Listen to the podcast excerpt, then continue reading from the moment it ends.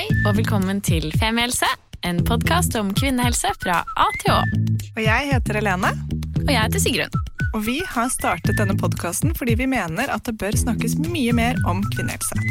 Så la oss snakke. Hei. Hei. Sigrun drev og snakket om at du yoghurt i halsen akkurat, så jeg sa vi måtte ta en retake. Men det er sannheten. Ja, det er den ufiltrerte på baksiden av gramsen. Ja, Mm. Sånn er det. Velkommen tilbake til studio, Sigrun. Tusen takk, det er så deilig å være her. Og det er så deilig at jeg faktisk har pyntet meg litt fordi vi skal være her i dag. Er så fin i dag. En liten stråle er hun. Ja, tusen takk. Jeg føler meg som et lite bær. Ja, det er nettopp det du er. For jeg har jo vært i København i helgen Ja. og kjøpt noen ting. Og det kjennes så, eks altså, så eksotisk ut. Så Mm. lenge siden ut, liksom. Å gå i sånne små, morsomme butikker og kjøpe ting bare fordi jeg har lyst på de. Mm. Ja, det var skikkelig feriefølelse. Ja. Og så vet du hva vi gjorde? Vi drakk utepils i solen. Det var ikke iskaldt. Og ølen het Solstreif. Nei. Jo. Det var et veldig Jeg ser du har med deg solen hjem i ansiktet. Ikke sant? Ja. Takk. Så det var et veldig euforisk eh, øyeblikk før jeg fikk omgangssyke på tur. Um, så oppsider og nedsider. Ja, men sånn er det da. Da setter man mer pris på øyeblikkene. ja, faktisk. Hva med deg? Har du hatt omgangssyke siden sist? Nei. Nei. Jeg er jo evig frisk, jeg, vet du. ja, så deilig. Ja, Omgås kun voksne mennesker. Mm, det er kjempelurt. Ikke ettåringer. Nei, Nei. aldri. Så- Hold deg unna de for Ja. alt du kan. Nei, altså, jeg får ikke, får ikke noen ting. Bare Nei, ingenting. Og Nei. i dag har jeg um, vært på et så deilig sted hvor jeg har følt meg pakket inn i en myk sky som en marshmallow. Ok. Um, Optimalt. ja, et nytt yogastudio som heter Gaia, som Mhm. ligger i Oslo. Og vi har jo snakket litt om det før, at alle disse små yogastudiene som nå endelig begynner å poppe opp igjen som sånne små vårblomster rundt omkring, de sliter jo med å få folk til å komme. Ja. Så jeg satt jo nesten alene der. Nei, det var ikke helt sammen. Det var, det var veldig få der akkurat i dag, da. Det kan jo være annerledes andre dager, selvfølgelig. Men det var helt, altså, det var helt sånn nydelig. Jeg, liksom, jeg bare satt der, bare hang der, og, og jeg tok liksom en kopp te med en venninne. Og det var så deilig der. Og det er så mange av disse stedene som nå åpner opp, og som er så deilige. Så jeg bare anbefaler dere, nå som pandemien liksom begynner å komme til søk på Deilig yogastudio. Ja, i nærheten av meg. Gå dit. Eller altså, om det ikke er yogastudio, men bare Åh, det, er så, det er så utrolig deilig følelse å være ute og gjøre litt ting. Kanskje du burde bli sånn eh, behagelig stedspromotør, Helene? Ja. For jeg føler det er nå din appell nå i hver episode du spiller inn. Så vil jeg bare si at det, det er et deilig sted som jeg liker veldig godt. Som, eh, Ja, men jeg blir bare sånn Jeg vet ikke, jeg blir sånn gründerforkjemper også. At folk som tør å starte ting nå rett i en pandemi, fortjener også liksom eh, litt goodwill, da. Ja. Så nei. eh, uansett veldig deilig dag, og det snør, og jeg har fått gått på ski i går, og føler at eh, februar eh, har en god start. Det er deilig. Mm. Deilig for deg. Ja. Alle februarer som starter uten omgangssyke, er strålende. Ikke sant? Nå fikk jo du faktisk i januar, da. Uh, ja, jeg fikk det 30. januar. Ja, sant, Så du er, har også en nydelig februar. Ja. Nei, så fint. Ok, da skjønner dere at vi har en ganske sånn lun og god stemning i studio i dag. ja. Og eh, det passer på en måte bitte litt til det vi skal prate om, men også ikke, for vi skal prate om et, eh, en veldig lun og fin ting, men også noe som er ganske alvorlig. Vi har fått besøk av eh, to stykker fra ABC-enheten. Jeg har alltid kalt ABC-klinikken, men så ser jeg på nettsiden at de selv kaller seg ABC-enheten. Så da, Eller ikke enheten, men enheten. En hellig treenighet. Ja. Ja. Så ABC-enheten. Ja. Mm. Um, og da er det jo vår glede å introdusere våre to gjester i dag. Vi har faktisk to stykker i studio. Og det er Kristin og Ingeborg. Velkommen til oss. Um, Tusen, tusen takk. så fint. Eh, Kristin, kanskje du vil starte med å introdusere deg selv? Ja, det kan jeg gjøre. Eh, takk for at vi blir invitert. Nå er jeg og Ingeborg her for å snakke om våre favorittemaer, så det er vi veldig glad for. Jeg heter Kristin Bøhn, og jeg er jordmor med ganske så lang erfaring fra eh, vanlig avdeling på Ullevål i mange år, og også vært fagjordmor i mange år. Og nå jobber jeg som jordmor på ABC-avdelingen. Og Og Ingeborg? jeg, eh, Ingeborg, ja. Kollega Kristin, og vi har jobbet på samme avdeling. Eh, Og jeg har også jobbet i mange år, 22 år, som jordmor, og de siste årene nå på ABC. Og vi begge to har jo også jobbet innenfor fag, jordmorfaget, så vi har vært fagansvarlige mm. i noen år. Hva betyr det å være Det betyr at vi har mye undervisning med å organisere undervisning og, eh, og til jordmødrene på Ullevål. Så det har vi jobbet med. Ja. Hvorfor ble dere jordmødre, da? Jeg ble jordmor eh, egentlig litt etter at jeg eh, Det hadde jeg tenkt på veldig lenge. Og det er ikke så uvanlig at eh, jordmødre ofte har det i utgangspunktet. Altså mange har tenkt på det fra de var liten jente. Jeg har vel hatt litt det samme, men jeg slo det litt fra meg etter at jeg hadde vært i praksis som sykepleier. Men noen år etter så, så valgte jeg og gledet meg, og, og, det har vært en fantastisk Det var det beste jeg hadde gjort. Det valget, å bli jordmor. Mm. Så Eh, og de lærerne på, min, på jordmorskolen de sa jo det, at uh, de aldri har vært borti en som har vært så nidkjær på faget. Og det er jeg fortsatt. Mm. Ja, det er fint. Mm. Og du, da? Nei, jeg har aldri hatt en drøm om å bli jordmor som barn. Men jeg tok utdanning i USA, og jobbet i USA som sykepleier. Og tok sykepleierutdannelsen der. Og da var jeg med på noen fødsler annet på sånn Native American eh, eh, reservat. Og eh, det var liksom ritualet rundt den fødselen som jeg syntes var så veldig spennende. Det var da kanskje den første lille sånn vekkeren på dette yrket her eh, kom. Og så eh, kom jeg tilbake til Norge og jobba litt som sykepleier. Så skjønte jeg at dette er ikke noe for meg, jeg må gjøre noe annet. Og jeg lurte jo litt på om jeg skulle bli jordmor, men det var ikke egentlig før jeg fikk mitt første barn selv, for over 20 år siden, at jeg skjønte at jeg skal bli jordmor. Og da eh, fødte jeg altså på ABC-klinikken. Eh, eller Enheten, som du korrekt sa i stad. Eh, på Aker sykehus. Eh, og da Og så har jeg ofte tenkt på i etterkant, hva var det som gjorde hva var det den jordmora gjorde som jeg ble så fascinert av, for jeg ble nesten helt forelska i jordmora mi. Og, eh, og, det som var så spesielt med henne, var at hun, hun, hun gjorde ikke så mye. Hun bare var der. Hun hadde en sånn der åndelig nærvær som er helt uh, nødvendig. Mm. Og uh, hun sa ikke så mye. Hun gjorde ikke så mye, men hun fikk Hun ga meg følelsen av at det var jeg som gjorde jobben sjøl. Hun uh, empowered me. Mm. Det, og da ville jeg bli jordmor. Mm. Ja. Og da ble jeg jordmor året etter. Er det sant? Wow. Det er så sterkt. Så fint. Hva, hva, var grunnen til at du selv da valgte å, å søke deg til ABC-enheten for 20 år siden? Uh, jeg hadde ikke så veldig mye peiling på hva slags tilbud som var her i Norge. Men det var Jungeltelegrafen. Og du vet at det, det er jo sånn med Vi ABC har jo aldri tatt og reklamert for seg selv. Så det er eh, egentlig bare via Jungeltelegrafen at folk vet om oss. Altså folk som, eh, eller kvinner som ønsker å, å finne ut av hva slags tilbud som er der ute, de søker oss opp. Mm. Og eh, det her var jo før vi drev og googla på internett og sånne ting. Så jeg fikk vite om ABC fra min venninne, som også skulle føde der. Og det er jo da en perfekt eh, anledning kanskje til å forklare litt hva er ABC-enheten, for de av dere som hører på nå som ikke har hørt om det før? Ja, ABC, Jeg kan godt svare på det. Jeg syns jo ABC-enheten er verdens beste sted å føde. Og det er verdens beste sted å være jordmor også. Eh, det er en eh, liten jordmorstyrt enhet som er i tilknytning til fødeavdelingen på, på Ullevål. Eh, vi har 25-årsjubileet i år. Først så var vi på Aker sykehus, og så flyttet vi til Ullevål i 2004. Og vi har hatt over 10 000 ABC-babyer i løpet av den tiden. Og vi har eh, en stab med ca. 18-19 jordmødre. Eh, en stabil stab med en høy eh, gjennomsnittsalder. Fordi jordmødre som jobber hos oss, de vil ikke slutte. Og så har vi da Vi har liksom en, en sånn felles filosofi som alle vi jordmødre jobber under, og det er Eh, under et konsept som heter Continuity of Care. Og det betyr at vi har en omsorgsmodell som omfavner både svangerskapsoppfølging, fødselsoppfølging og barseloppfølging.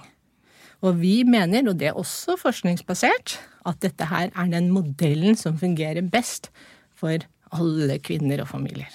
Og også for jordmødre. Mm. Mm. Og det handler jo da om Ok, for det, det, er jo da en modell som, som, litt i navnet sier at du får en oppfølging eh, mens du er gravid og under fødsel og etter fødsel, og gjerne av samme jordmor. Ja. ja. Det er ikke alltid vi får til å ha av samme jordmor, sånn det, men vi er som en liten familie, eh, vi på ABC. Sånn at eh, vi, vi, prøver at du går til samme jordmor i, på svangerskapskontrollene, men det er ikke sikkert du får samme jordmor i fødsel. Mm. Men du vil jo møte en jordmor med samme filosofibakgrunn mm. og som har de samme målene. Eh, sånn at eh, Og så møter du kanskje igjen jordmora di etter at du har født. Mm. Og kanskje er du så heldig at du har samme jordmor i fødsel. Hvis hun er på jobb akkurat da. Hvis hun er på jobb akkurat da. Ja. Men når jeg ser for meg Nå har vi også av og til eh, snakket om dette på Femihelse, litt om det med å møte samme jordmor osv., og, så videre, og at eh, mm. en del opplever at de ikke får det, og derfor så har nettopp det å ha en doula blitt mer og mer populært. Ja. Altså en, en eh, ikke en jordmor, men en som følger deg opp og tar vare på deg som kvinne under mm. Eh, graviditet. Fødselsstøtte. Mm. Ja. Um, men eh, så er det jo en del tilbakemeldinger fra rundt omkring i landet at jo da, hos oss så kommer du på, og du får møte jordmoren din under graviditeten, og du får, hvis du er heldig, også møte henne under fødsel, og du kan be om oppfølgingstime. Så det er jo heldigvis en del andre sykehus som også praktiserer dette. Men mitt inntrykk også av ABC-enheten er jo litt sånn du får et ganske stort rom for deg selv. Du kan være heldig å få et badekar. Er, eh, man bruker ikke eh, epidural som utgangspunkt. Det er en del andre ting også mm. som skiller dere litt fra de andre fødselsenhetene. Stemmer ikke det? Mm. Altså, ABC er helt unik. Mm. Det er faktisk ingen avdelinger som drifter sånn som ABC. Men det er helt riktig at det finnes jordmorstyrte enheter rundt omkring eh, i landet. Men da har de ikke den svangerskapsoppfølgingen på stedet. Eh, det er noen enheter som har hatt eh, hvor de f.eks. kommer inn og har en samtale, eller kommer inn på sånn gruppemøte for å ha omvisning.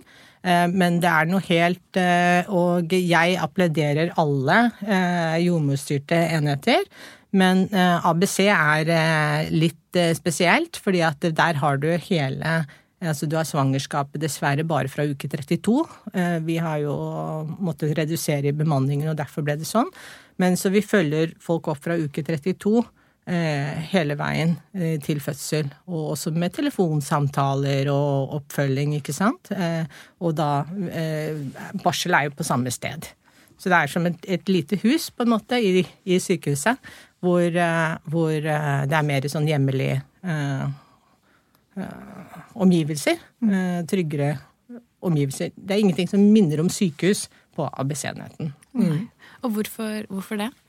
Eh, det er kjempeviktig, og dette her er så viktig, at for å kunne klare å få til en fysiologisk fødsel, altså hvis vi klarer å holde de ulike begrepene fra hverandre, hva er en normal fødsel, hva er en fysiologisk fødsel, hva er en komplisert fødsel, eller hva er en høyrisikofødsel, det er mange begreper som vi bruker. Og på ABC så er det jo det at de som søker seg plass hos oss, de må jo i utgangspunktet være friske kvinner, altså fysisk friske kvinner, og forvente en, eh, en frisk eh, unge eh, i Og under hvor gammel? Hmm? Førstegangsfødende må man være under 36? Ja. Det er det vi har eh, Ja, det er det vi har som kriterium nå. Mm. Og, og tingen er at for å få ja, hva er en Hvis vi først prater om hva er en normal fødsel. En normal fødsel på en vanlig fødeavdeling, det er gjerne hva er det normen driver med. Altså hva er det de fleste driver med på den fødeavdelingen. Og da er det eh, friske kvinner, og det er syke kvinner om hverandre. Eller kvinner som har ekstra behov for medisinsk oppfølging. Eh, ja. Og det som er liksom betegna som en normal fødsel på en vanlig fødeavdeling, det er en fødsel med epidural Eh, gjerne med litt drypp, altså hvor man får hormoner i, i intravenøs for å fremskynde fødselen.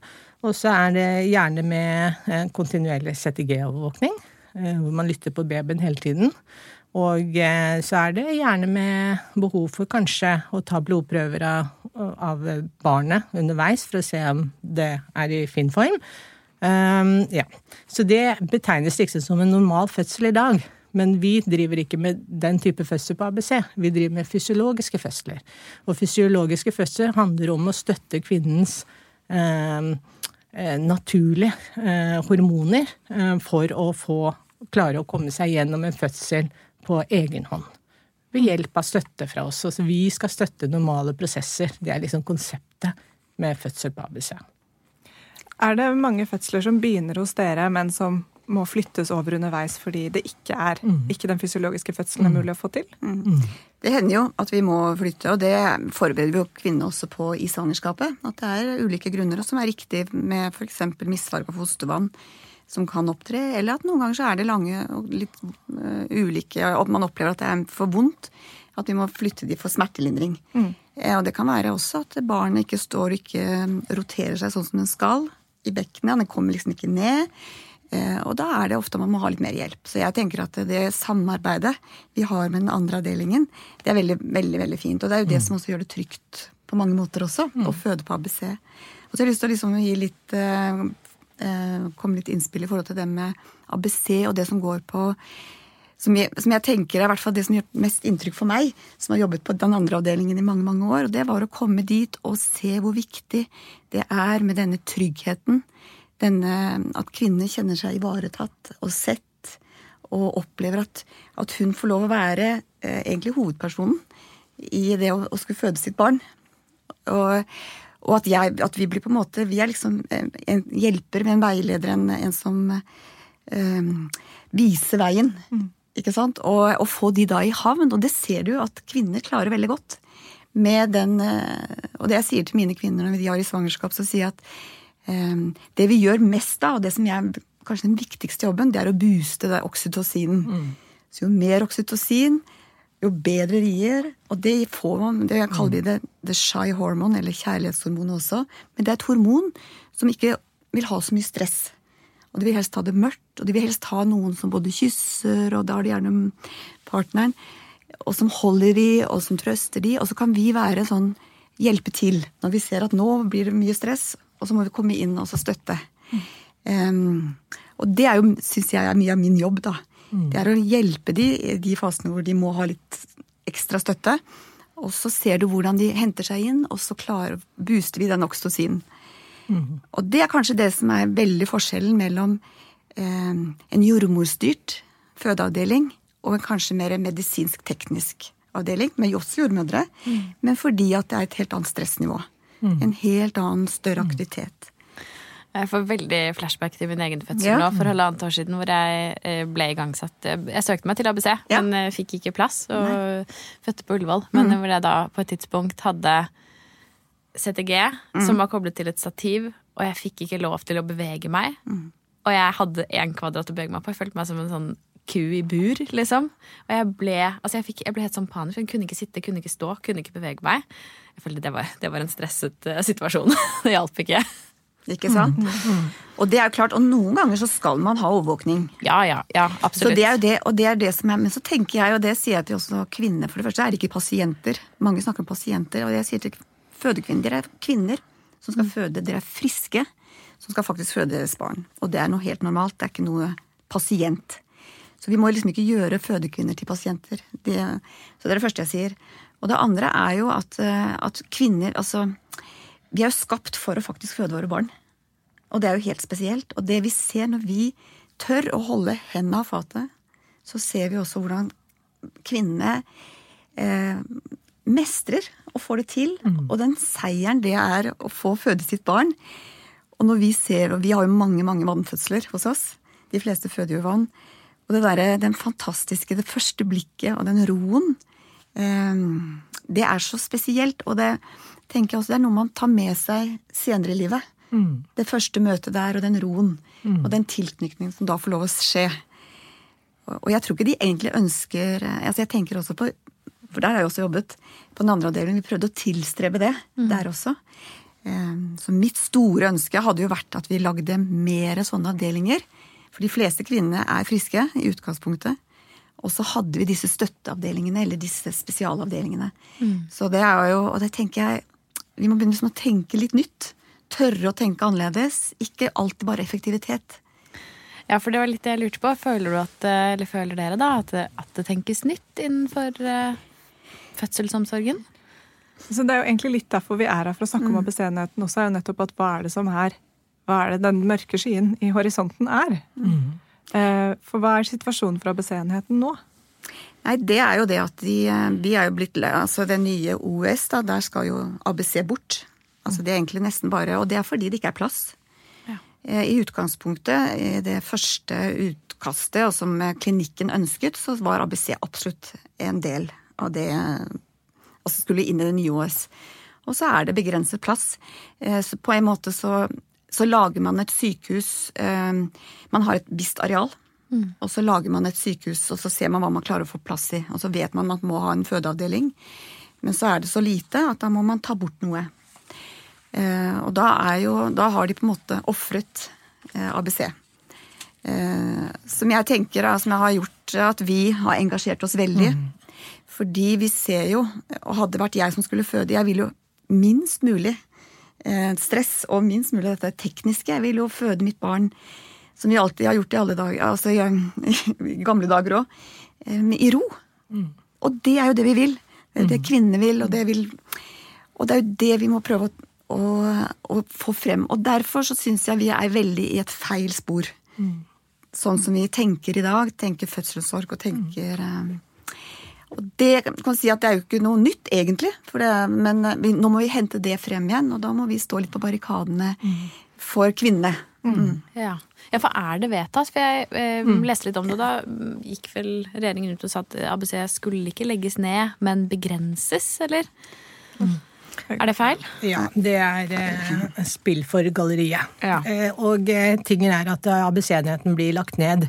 Eh, og eh, den erstattes med elleve fødestuer, som da skal være på nye Aker.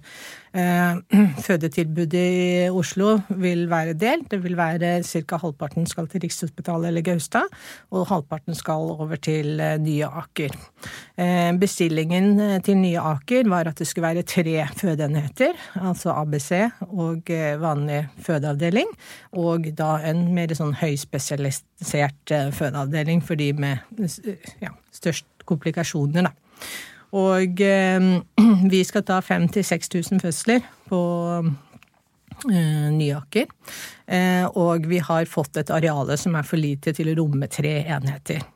Og da har man valgt å ta og legge ned ABC-enheten, men at man prøver og skal få til en differensiert fødselsomsorg innad i den vanlige fødeavdeling.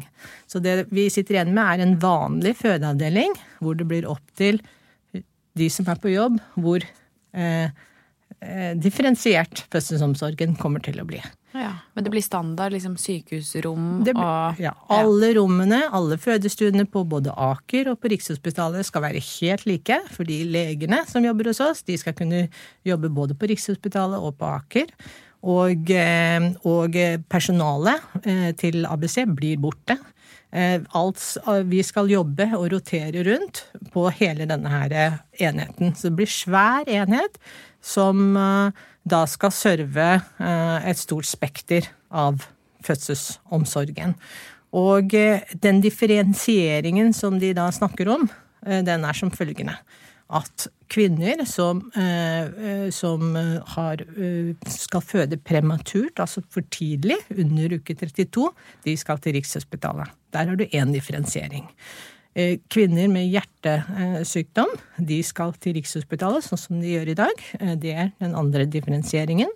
Og ellers så er egentlig Aker Der er det sånn at de som til enhver tid er på fødeavdelingen med høyest risiko, de skal få de fødeplassene, eller fødestuene, som da er nærmest eh, en akuttheis til operasjonsstuen.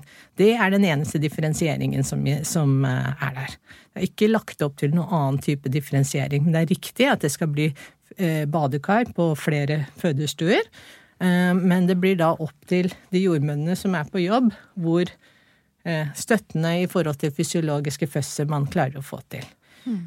Og jeg har vært eh, fagjordmor i mange år også med det formål å få inn differensiert fødselsomsorg i en vanlig fødeavdeling, og min erfaring er at det er klin umulig å få til. Og det viser forskning også, at for å få til fysiologiske fødsler. Han får det jo selvfølgelig av og til på en vanlig avdeling også, men det har mye bedre odds når det ligger fysisk adskilt fra den vanlige fødeavdelingen. Da blir det mindre medisinske inngrep i fødsel, flere spontane fødsler, og det blir eh, mindre bruk for epidural, det blir mindre bruk for oksytoksinstimulering, og det blir veldig fornøyde familier. Og jeg er helt breathtaken en, av mine opplevelser på ABC når jeg ser hvor fornøyde de familiene er. Jeg har aldri møtt så fornøyde kunder noen gang i helsevesenet som når jeg jobber på ABC. Og det er også kvinner som vi flytter over. Kvinner som vi har i fødsel, men som må flytte over av en eller annen årsak til den andre avdelingen. Og så får de superhjelp eh, og ekspertise på det problemet de har på den vanlige avdelingen. Og så kommer de tilbake til oss, sånn at vi slutter sirkelen hos oss. De er også generelt mye mer fornøyde. Og barselomsorgen hos oss, den er som regel helt prima. Vi prater med alle damene våre om fødsel mange ganger, går igjennom fødselsforløp og prøver å nøste opp i, i, eh, ja, i ting som kvinnene lurer på. Kjempeviktig. Jeg tenker, jeg har bare lyst til å si litt om eh, fordi jordmødre i dag, vi er jo en stor gruppe, og vi er jo veldig, vi har ulike både tilnærmingen til fødsel, altså hvordan man tenker fødsel, selvfølgelig. Eh, det, men som jeg også tenker at systemet gjør noe med oss som jordmødre. Så når vi systemet blir eh, sant, At vi skal være effektive, vi skal få mange igjennom eh, raskere. Eh, man har veldig sånne klare eh, prosedyrer eller kriterier. Så gjør det at man som jeg tenker at man klarer ikke den fine selekteringen ennå, å gjenkjenne her er det noe som er friskt og helt normalt. Og det også holde seg da oppdatert på det, for det er klart at det er veldig eh, kan være en utfordring for en jordmor å skulle da eh, skifte mellom veldig høyteknologisk og til en veldig normal vannfødsel. Og det er jo også noe som kommer til å skje på dette nye sykehuset. At det har noe med kunnskapen, det har noe med denne tryggheten. Og jeg husker når jeg ble jordmor eller var student og møtte disse jordmødrene som har jobbet i hvert fall 40 år, og noen var jo kanskje ikke lenger, men 40 år. Ikke sant? Veldig erfarne jordmødre. Og den tryggheten jeg ble møtt med, det, tenkte jeg, var helt unikt, for det gjorde at jeg på en måte arvet den, litt av det. Altså, jeg så hvor flott og trygt det var, og litt av Kristin også fortalte i opplevelsen her fra Amerika, at man trenger ikke å prate så mye, bare å være og gjøre de riktige tingene. og, og bare være trygg. Og det, er det noe kvinner og vi trenger, det er jo å, å, å være den trygge personen. Men i et stort system med veldig veldig ulike fødsler, for det er det jo da på en sånn avdeling, med veldig kompliserte ting, til da å skulle ivareta en fysiologisk normal fødsel. Det kan være veldig utfordrende og veldig stort spenn for en jordmor. Og da er det, mener jeg veldig klart, at det å ha en så Prøve liksom å ha denne selekteringen på en stor fødegang, det nytter ikke. Det var jo det både du erfarte og jeg erfarte også som fagutviklingsjordmor. Selv om vi hadde to stuer med badekar, så var det veldig vanskelig å klare å implementere det. Fordi at eh, både var pågangen veldig stor, så vi hadde liksom bare det ene rommet, og noen ganger måtte vi bare bruke det til andre. Og så er det det derre, igjen, den tryggheten. Altså hvis du ikke daglig jobber i å, å ha normale fødsler, vannfødsler Hvis ikke du eh, får den kunnskapen, så blir man, veldig, blir man mye tryggere med å sette på skalp eller sette på en overvåknings... Og, Så det er, og det, og det er mange av disse tingene som spiller inn, og som er- blir veldig veldig viktig å tørre å snakke om videre. Jeg tror det som er nettopp dette ordet med differensiert, så tror jeg at um, Nå er jo jeg 36, så jeg har jo venninner som har født en, to, tre barn. Uh, og det er noen som bare har gått inn på det dere kaller liksom en vanlig fødeavdeling og født og bare woho, koste seg, og det var kjempebra. Og så andre som har motsatt opplevelse og hadde traumatiske fødsler. Uh, og noen som har vært på ABC og elsket det. Men poenget er at jeg syns det skal være lov å velge. Fordi det valget du blir fratatt hvis ikke det fins en som har en mer liksom naturlig fødsel, som det ABC-enheten er, så må du på en måte til det sykehuset uansett. Og det, du har ikke så mye valg når du er der. Du, det, fordi da lønner det seg å lytte til legene, det lønner seg å lytte til jordmødrene, og de aller fleste som føder har ikke egen kompetanse på ok, jeg, ta, jeg burde vel sikkert få det dryppet, og ja, det er sikkert lurt å bli spent opp her. og Eller kapasitet. eller liksom. kapasitet, Ja, selvfølgelig. Ja, men ikke sant? Du kunne jo prøvd å skrive et fødebrev, eller whatever. Ikke sant? Prøve. Men der og da så er det bare sånn Du, er, du hører på fagfolk, ikke sant? Så det, det som er at et, det handler om en valgfrihet som jeg syns er så innmari trist at skal tas bort. Fordi um, jeg kjenner jo folk som syns at det å skulle føde på ABC virker helt insane. At du ikke har epidural. Og, og, så, og så når de skjønner at Som ikke du, vil, ja. ja, som absolutt ikke vil. ikke sant? At du er bare en trilletur unna vanlig avdeling, så skjønner man ok, det er i hvert fall trygt. ikke sant? Men noen ser jo for seg at det er liksom eh, langt unna sykehus, og her må du greie deg liksom dette skal være 100% naturlig, men poenget er jeg syns at det skal være et valg. At det skal finnes en, en alternativ, og også for mange som, som får altså, for meg og Sigrun som elsker for å gå til gynekologen, vi gjør det så ofte vi kan, og vi pleier å lyve og si at vi ikke har tatt celletest og så celleprøve bare for å få tatt en til. Vi syns det er så gøy. Men det er Vi er jo litt sånn Jeg syns vi bruker systemet, Lene. Ja, men vi betaler jo for det. Det er jo ofte Dr. Drop-in er dyre. Vi betaler masse penger for dette, men det er en hobby, da. Men um, poenget mitt er at det finnes også ganske mange som syns at det å skulle gå til lege eller gynekolog er noe av det skumleste i hele verden. Altså Som har så skrekk for det, om å ha med seg liksom støtte inn og bare utsetter og utsetter og utsetter. Og det å da skulle føde på en vanlig avdeling for eksempel, kan for mange være ganske traumatisk. Så for meg handler det om at jeg tror den store flertallet syns at det der å bare føde på et sykehus er helt fint. ikke sant? Men så er det en del som skulle tenke, tenke seg en ABC-tilnærming, og det, det syns jeg absolutt i Norge, hvor vi har ressursene og mulighetene til det, skal være et alternativ. Jeg har lyst til å svare litt på det, fordi det er det som er eh, det store Kjernen. kjernen her. Fordi nå har vår, vårt helseforetak og egentlig våre politikere da sagt at vi skal ha de to sykehusene. Og velger da også å skrote Ullevål, som da har et eh, stor tomt, og har muligheter til å bygge ny, eh, fin bygning, altså få nye bygninger. Rive gamle og bygge, for det er en stor tomt. Og det er jo det vi egentlig, ikke bare i vårt fag, men i mange fagmiljøer, sier hva er det vi holder på med. Og da når vi tenker spesielt på eh, fødselsomsorg og kvinnehelse, for det er også videre, eh, så trenger vi mer plass. Og disse enhetene, vi trenger å være, sånn som Kristin nevnte, vi trenger å være Uh, ikke være helt, Vi skal ikke være på samme korridor eller samme avdeling, det skal være ulike enheter. Da må vi ha plass. Ullevål, den tomten der, er Hadde vi hatt nok plass til å tenke nytt og kunne bygge sånn som vi faktisk trenger og ønsker. Og jeg eh, mener virkelig at, at vi må, nå må politikerne, og jeg tror kvinnene, må begynne å reise seg og si at vet du hva, vi vil ikke føde på den måten. Vi vil ha et alternativ. Vi vil ha flere alternativer. Og det er sånn som det er både på Storken altså, det det er mulighet, Der kan man gjøre litt mer. ABC har vi liksom ingen intervensjon, dvs. Si ingen medikamenter. Vi gjør veldig lite, kun akupunktur og vann. Og jordmor. Men, eh, så, så det fins liksom andre føde som har en lavterskel, men som allikevel kan tilby litt mer. Så det burde være Denne differensieringen må ha flere avdelinger. Og jeg tenker at eh, vi er der nå at eh, vi må begynne å, sånn som du sier, det må være et valg. Og da må det være plass til å ta de valgene, og da må vi begynne å prioritere. Hva er det, vi, hva er det vi, samfunnet Helse er faktisk noe av det viktigste.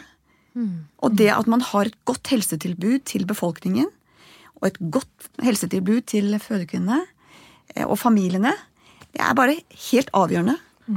Jeg vil bare si en ting. Eh, Jeg er helt enig i at vi kvinner skal begynne å stå opp altså for hvor man vil føde og hvordan man vil føde, men jeg mener også at familiene må stå opp. ikke sant? Partnere skal inn her og være med. fordi Veldig. Sigrun og jeg som snakker om det hele tiden, at vi føler vi sparker inn åpne dører overalt vi går. Vi ser jo bare at folk sitter og nikker og er enige at vi må prioritere kvinnehelse og varselomsorg, og at det selvfølgelig skal være en ABC-enhet. ikke sant?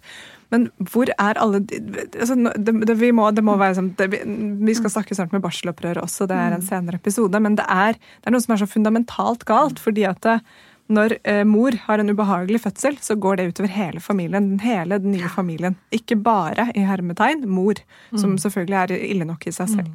Så det er sånn Ja. ja. Men det er helt. Kvinnehelse er samfunnsøkonomi. Det er jo ja, Ja. noe vi har, snakker mye om. Og det er nettopp det. Samfunnsøkonomi, hva altså en, en avdeling som uh, ABC Altså jeg som jordmor, ja, jeg elsker uh, fysiologiske fødsler og vannfødsler. Jeg, jeg, helt, uh, jeg blir helt slått ut av det. ikke sant? Det er så utrolig vakkert. Men jeg syns jo også det er spennende å jobbe med kompliserte fødsler. Å jobbe med tvillingfødsler i uke 30. og også, Det er mange ting som er spennende å jobbe med som jordmor. Men hva er det jeg faller for? Det er omsorgsmodellen.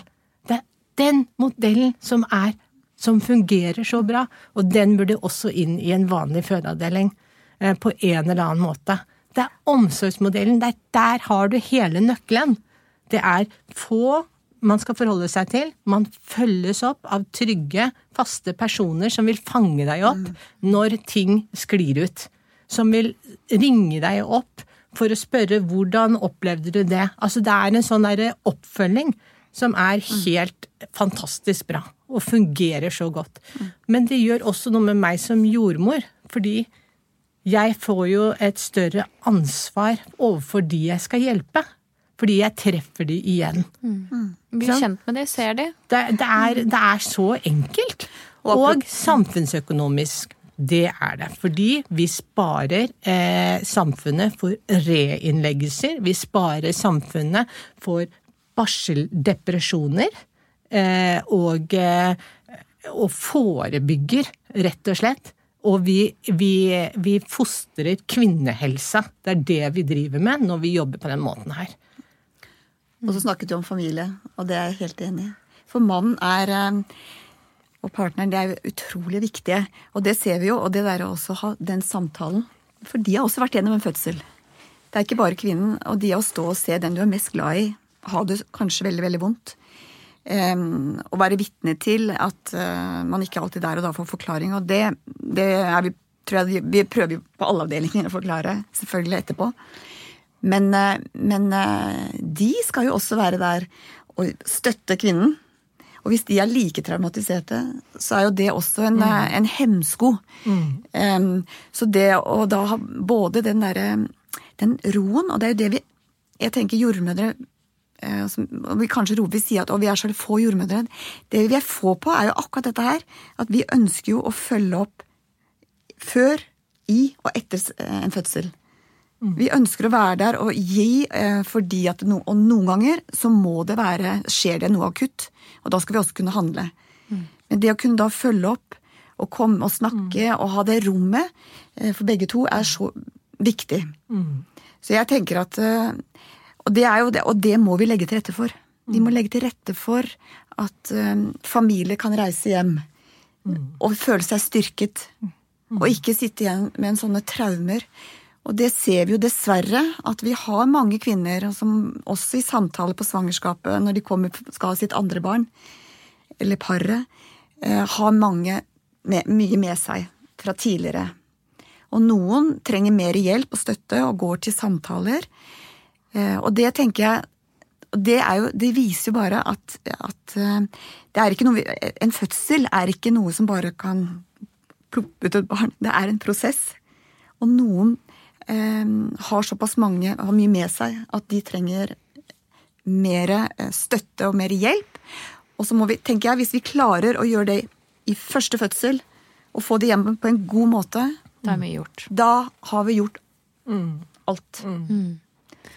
Jeg er veldig, veldig enig. Og du sier at nå eh, må vi opp på barrikadene åpenbart, tenker jeg, når ja, jeg sitter og hører på hva dere forteller. Eh, og det er også noe av det lytterne våre lurer på. Mm. Hva kan vi gjøre? Mm. Altså, jeg tenker jo eh, Jeg har gått og tenkt på det selv. Hva kan vi gjøre? Og vi har jo prøvd å skrive, vi har prøvd å få dette i media. Og nå tenker jeg, vet du hva, nå må vi kvinner må begynne å si ifra. Faktisk. Altså mer enn at vi må og, og, jeg har et veldig ønske om å mobilisere en eh, et eh, Vi har jo barselopprøret, og vi har eh, bunadsgeriljaen, og, og, vi har sanitet. Vi har mange kvinner som står og, og tenker jeg, nå burde vi samle oss. Og så si, vet du hva, dette vil vi ikke. Mm. Vi vil noe annet. Mm. Så jeg, mitt forslag har vært å, å, kanskje at vi lager en, rett og slett en demonstrasjon. Mm. Hvor nå kvinner, og med mann og familier, Mm. Brukere av ABC, men også kvinner. Jeg tenker gamle og unge. sammen, sier at vet du hva, dette vil vi ikke. Dette finner vi oss ikke i. Vi vil ikke føde på den måten. Dette er for dårlig. Greit avtale. Da gjør vi det. Så her tenker jeg nå har vi en mulighet, og nå sprer vi det ut. Ja. Og jeg tenker at ABC nå kan eh, organisere det, begynne. Og så håper jeg at vi får med saniteten og Er det ikke Ottar det heter? I kvinne... Jo. Ja. At vi får med oss, og så sier vi at vet du hva, nå må politikere og helseforetak lytte til oss. Fordi nå Og det er god plass på Ullevål sykehus. Det er god plass. Og det er å rive bygninger og bygge opp nye. Som er tilrettelagt for en god fødselsomsorg. Nei, frysninger. Um, og på mange måter et fint sted å avslutte, syns jeg. eh, med veldig mye til ettertanke. Og ikke minst en sterk oppfordring, tenker jeg. Vi stiller oss Vi er med, Vi er med. er vi ikke det? Jo. Fantastisk. Det er flott. Så glad for. um, tipper jeg at mange av dere som hører på også er med, hvis jeg kjenner dere rett. Um, så bare la oss se Eller la oss få til noe sammen, tenker Ja. jeg vi sier. Helt enig. Og det er jo sikkert mange av dere som sitter og hører på nå som kanskje er ferdig med å føde, eller ikke har tenkt å føde, eller bor i et helt annet sted i landet. Men dette her handler jo mer om eh, For meg så handler ikke dette om en enhet med eh, 20 ansatte jordmødre. Dette her handler om hvordan vi ser på fødsel i Norge. Dette handler om noe mye større enn det. Så her handler det om å engasjere seg for eh, hva skal jeg si, for det å føde barn. og hvordan vi gjør det i jeg, det er liksom klassisk å si verdens rikeste land, men eh, det syns jeg virkelig. At eh, det går ikke riktig vei, sånn som det er nå, i hvert fall. Mm. Veldig bra. Så, tusen takk til dere, Kristin og Ingeborg. Så deilig å ha engasjerte, fine folk eh, på besøk, som alltid. Uh, ja, takk. Takk for at vi fikk være her. Takk for oss. Veldig, veldig Mm. Ja. Vi snakkes neste uke. Det gjør vi. Ha det. Ha det. Tusen takk for at du hørte på podkasten vår. Selv om det forhåpentligvis kommer tydelig frem, så vil vi understreke at vi ikke er helsepersonell. Ja, så Som vanlig, kontakt legen din om du har noen spørsmål, eller om du skal begynne på noen form for behandling. Og har du et tema som du har lyst til at vi skal snakke om, eller noe ris eller ros, så send oss gjerne en melding på Facebook eller på Instagram. Der finner du oss under Femihelse. Og du kan gjerne rate oss på iTunes, det er skikkelig hyggelig for oss. Ha en fin dag! Ha en kjempefin dag!